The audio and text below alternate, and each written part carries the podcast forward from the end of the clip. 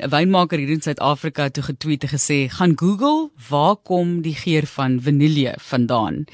En ja, klomp mense toe nou onder gesê, "Goed, die gebruik is nou lankal nie meer die geval nie en daar's vele ander opsies, maar dan dink jy by jouself hoeveel van dit jy dalk al geëet het." En as jy dit gaan Google, gaan geniet jouself. Dis 'n chemiese verbinding wat vaniljegeersel uh, wat hulle in vaniljegeersel gebruik en is afkomstig van die en ek is baie jammer, dis uh, middagete, maar die anale kliere van bevers. Uh, dit word genoem castoreum of castorium seker. Is 'n stof wat geproduseer word deur 'n strooisak van 'n bewer. Hulle noem dit nou 'n strooisak, maar wat is in die bekken en die basis van die stert aangetref word. So castus sac is dit nou in Engels. So dit is iets heeltemal anders, maar hierdie stof word dan gebruik is gewoonlik bruin en taai en hulle gebruik dit gewoonlik om hulle grondgebied te merk hierdie castoreum ek weet nie ons gas moet vir ons bietjie vertel of dit die waarheid is maar ek het gaan opsoek en dit is inderdaad wel 'n gebruik. Dokter Gerard niemand is aan die woord. Hy het 'n doktorsgraad in voedselmikrobiologie. Hy is bestuurende direkteur van Purus wat lid is van SAFI. Dis die South African Association of the Flavor and Fragrance Industry. Baie welkom dokter. Daai klink hom nie klink hom nie vir my lekker om daai in my koek te sit nie hoor. Nee maar ek moet dan sê gelukkig gelukkig uh, is dit taal in onbruik verval. Dit mag miskien 'n paar honderd jaar gelede gewees het, maar vandag word vanilla op twee maniere, eintlik op drie maniere oorsaaklik gemaak. Eerstens van plantpele af wat groei in Madagaskar en ander tropiese gebiede. En dan is daar sintetiese middels wat uh, wat uh, hierdie vanilla geursel het wat in fabrieke gemaak word en dan deesdae met biotehnologie maar ek dink ons gaan oor al hierdie goed nog later praat. So nee, die die vreeslike afgryslike grillige bever storie is gelukkig nie meer in, in gebruik nie. Dit is by wel dis interessant dat hulle in die eerste plek gedink het is 'n opsie en dat dit kan werk, né? So ek het, het dit is my fascinerend, maar ja, dankie ja, nee. tog vir ja, nee. vir jou dit jy, jy stel ons nou gerus. Dis al wat ek kan sê. Ja, nee, absoluut. So kom ons gesels oor voedselgeurmiddels. Gee vir ons voorbeelde daarvan asseblief. Ja, natuurlik. Vir honderde jare al word speserye en kruie gebruik in voedsel. So eh, reg, dit kom van Bybelse tye af al, voor Bybelse tye nog. En vandag is die palet van geurmiddels en nie net meer speserye en kruie nie, dit sluit ook essensiële olies, dis die plant plantaroma olies. Uh en dan natuurlik uh baie ander etniese uh smake wat ons nou kan namaak of self doen hierso. Dink maar net aan Vietnamees, aan Indies, aan Frans, aan ag, daar is net soveel Thai geregte, uh, daar is soveel dinge. So geurmiddels is definitief ehm uh, 'n uh, deel van ons van ons bestaan. Dit haal ons uit die alledaagse en die vervelige uit en gee vir ons bietjie opwinding in dit wat ons geniet rondom die tafel dink maar aan die Joodse gesmak of die Duitse gesmak. Ek daai smaak, dit dit maak dit maak ons eetervaring net soveel meer genotvol. Ek wil net gevoer dat ons verder beweeg. Hoekom het ons enigstens voedselgeersel nodig? Dit is altyd maar vir mense vreemde gedagte om jy weet kos soos jy dit nou kook nog verder te geur. Ek weet vanilje is nou 'n is is 'n produk op sy eie, jy weet 'n rou produk ja. eintlik ook op sy eie, maar ja. die gebruik daarvan het dan ook oor baie tyd natuurlik gekom as jy nou vir my sê oor eeue gelede ja, is hierdie ja hierdie produk gebruik. Ja. Ag kyk die die die meeste basiese voedselsoorte of dit nou vleis of groente of stysels is. Ehm um, het sommige van hulle het eh, het hulle eie sterk aroma, ander is maar baie baie vaal en bleek en hy het nodig om bietjie opgeterg te word. Jy weet, so uh ek sou sê uh meeste voedsel soorte en die probleem kom eintlik kom as jy so die ons die die probleem kom daarby dat die verbruiker is bederf verkeerde regtig ons het soveel wonderlike geleenthede om om uh, om smake te ervaar. En dit kom maar van van uh, van die verbruiker wat wat blootgestel was alreeds aan baie. Miskien ouma se se se sondag maaltyd was nog altyd die uitsondering geweest. Uh nie noodwendig meer vandag nie. Uh, ons kan omtrent by 'n kids restaurant instap en en en Thai Thai kos uh, is smake of Frans of Italiaans eet, jy weet so hoekom hoekom nie? Hoekom moet ons vervelig en en ja. bland, ekskuus vir die Afrikaans. Uh voedsel geniet. Ons ons het mos hierdie hierdie middels wat ons kan gebruik, al hierdie wonderlike geurmiddels.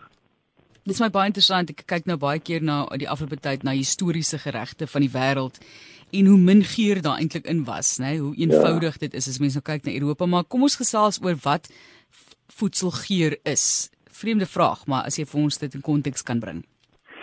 Ja, uh om 'n geur te om as 'n geurmiddel geklassifiseer te wees, moet dit ar aromaties wees. Met ander woorde, dit dit spring van die bord af in jou gesig, in jou neus, in jou in jou reukorgane in en jy jy ervaar hierdie wonderlike aroma.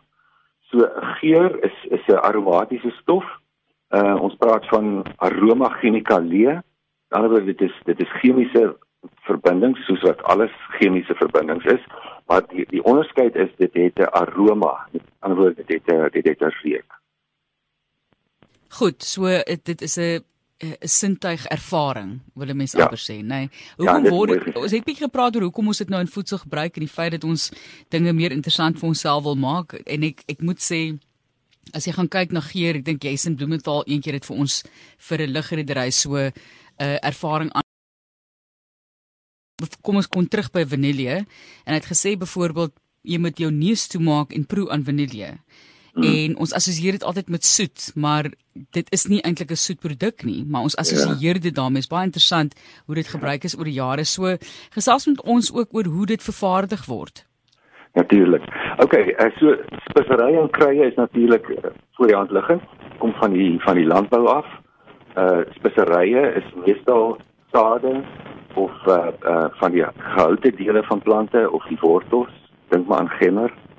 Uh speserye uh naaltjies, uh, kaneel wat van die bas van bome kom. So dit is speserye. Kruie is meestal blare. So dit is die wat die natuur vir ons gee. En nou het voedseltegnoloë oor die eeue heen en eintlik die laaste 100 jaar uh baie moeite gedoen om van hierdie speserye en kruie se hoofbestanddele te isoleer en dit en dit te konsentreer uh daar is ook in die vroeë jare hier in die 1930s 40s is daar nog byvoorbeeld vanilja as ons nou weer daardie voorbeeld gaan gebruik is sinteties gemaak in fabrieke. En uh hierdie sinteties vervaardigde geurmiddels verval nou in totale onbruik. Want dit word kom dit van petroleum gebaseerde rou materiale af En uh nou ja, net die hele idee van iets wat jy moet inneem wat van petroleum gebaseerde rou materiale afkom is nou nie meer so opwindend vir iemand nie. En terwyl daar soveel alternatiewe is uh wat wonderlike uh, uh um, geurmiddels vervaardig en hoe dit vervaardig kan word, uh is die sinteties al hoe minder in in in gebruik. Uh selfs in lande waar waar uh tot nou toe nie die geval was nie, En dis ook iets waarna mense opleef. Jy weet hulle wil graag natuurlike geurmiddels gebruik in hulle voedsel. So, ehm um, die oorsprong van die natuur uh daarna het ons 'n hele paar uh dekades gesien van sintetiese geurmiddels. Goedkoop, dit kom van lande in iewers in die ooste af. ons kan dit nie vertrou nie. Die die mamma is baie bekommerd om te sorg om te dink haar kind moet iets sinteties inneem met reg. Dit was Maar uh die alternatief natuurlik en ek is een van die groot voorstanders daarvan is om biotehnologie aan te wend. Want dan doen jy 'n uh, vervaardigingsproses wat presies die natuur naboots in terme van rou materiale en terme van prosesse uh om 'n natuurlike geurmiddel te vervaardig. Uh dit word ook in Suid-Afrika gedoen. My maatskappy doen dit onder andere. Ehm uh, en wêreldwyd is dit iets wat geweldig op opgang vind en die biotehnologie as as 'n wetenskap en as as 'n as 'n as 'n nywerheid gaan ons nog vir die volgende eeue gaan groot groot groot impak maak op ons lewens. En dit het reeds begin met die met die aroma en dit is nou voedselgeurmiddels en parfum wêreld waar rou materiale of bestanddele op 'n manier gemaak word. Ons praat baie vinnig dokter van o, ons moet wegbly van al die chemikalieë, maar dan besef ons ook, jy praat nou van sinteties en van van die meer natuurlike gebruik, maar chemikalieë is ook 'n natuurlike konsep. Waar trek ja. mense die lyn daarso? ja, dit is baie interessant. Die lyn kom by is dit biologies? In ander woorde, is dit iets wat deur die biologie in die natuur gemaak word, 'n plant of 'n of 'n ekstrakt van van uh, van van landbou oorsprong of is dit iets wat sinteties met ander woorde dit word met chemiese prosesse en nie biologiese rou materiale in fabrieke word dit gemaak. Ek het reeds gepraat van hierdie fabrieke in die ooste wat wat byvoorbeeld nou ek wil nou nie moeilikheid maak nie, maar die vanilje ekstrakt wat ons almal so by die huis gebruik, ons gooi 'n bietjie drie druppels vanille in en dan is dit nou dan is die uh dan is die uh die, die gebak wat ons nou gaan hê is nou lieflik gegeur. Dit is sinteties, dit is nie natuurlik nie. 'n Natuurlike vanille sal jy 10 keer die prys betaal daarvoor. Maar dit beteken nie dit is dit is sleg nie. Want alles is molekules. Ons liggaam is molekules, die boom, jou lesenaar, die mikrofoon voor jou is is gemaak van molekules van verskillende chemiese verbindings. So jy's heeltemal reg as jy sê. Uh ons praat van van verbindings, ons praat van atome, ons praat van molekules. Uh 'n chemiese verbinding is nie noodwendig 'n slegte verbinding nie. Dit hang af van die aard en ek dink selfs biologiese materiaal kan gevaarlik wees. Daar's baie baie plantekstrakte en olies en goed wat mense sommer in groot oormaat inneem vir gesondheid en holistiese medikasies en goeders. En dan bevat van daai materiaal bevat ongewenste uh, uh, uh, molekules. Jy weet, so dit is nie alles maar net goed ook dit natuurlik is nie. Maar dit is tog hoekom ons die wetenskap het en dit is tog hoekom ons voedseltegnoloë het en mense wat en chemisi wat hulle lewenstaak is is daarin toegewy om om hierdie uh identifikasies te kan doen van verbindings en om uit te wys wat is wat is onvanpas en onwenslik en wat is voordelig vir ons gesondheid. So daar's 'n wêreld van wetenskap wat fokus hierop. En dit behoort vir, vir, vir verbruikers. Vandag is ons voedselketting baie veiliger. Ja. Baie meer gesond as wat dit ooit was, nog ooit was. Net laastens as ons kyk, deesdae die hele ding van om iets te berook of daardie rookgeur te gee is 'n groot beweging. Dalk net vir ons sê wat jy daarvan dink as voedselmikrobioloog en ja. mense hoor baie keer hulle sê deesdae liquid smoke sit jy nou ja. by jou kos en so en hoe ja. dit vervaardig word. Ja. Kyk, ehm uh, in die vir vir lang tye in Europa is kontinentale vleise is gerook. Jy weet en dan was dit letterlik houtsaagsels of hout wat wat uh, wat gebrand word en dan word die die vleis word nou uh, gehang bo kan die rook om van die rook se se aroma te te absorbeer. Nou vandag um, is dit baie moeilik om in in in baie nywerhede en in fabrieke waar voedsel op groot op groot skaal gemaak word nou rooktoerusting te hê. Want jy het nou sê jy het houtsaagsels nodig en dit moet nou stadig brand en dan die rook word dan nou absorbeer deur voedsel jy sal nog vind dat dat van jou tradisionele slagters ehm um, en en slagterye het wel sulke rookkabinette waar hulle dan elektriese elemente onder in die kabinet het en hulle gooi saagsels bo op dit en dan vervaardig dit nou dan word die rook nou geabsorbeer in die vleisprodukte. Maar dit is nie net vleisprodukte wat wat uh, wat 'n rook smaak kry nie. Dink maar aan kaas, uh soutversnapperinge, snacks, geproseserde vleise. Uh so toe het die het die tegnologie gesê maar kom ons vang hierdie hierdie rook aroma op. Ons maak 'n ekstrakt daarvan en dan kan ons dit nou standaardiseer. Met ander woorde jy kan een teelepeltjie bygooi en jy het altyd dieselfde sterkte, jy het altyd dieselfde aroma profiel.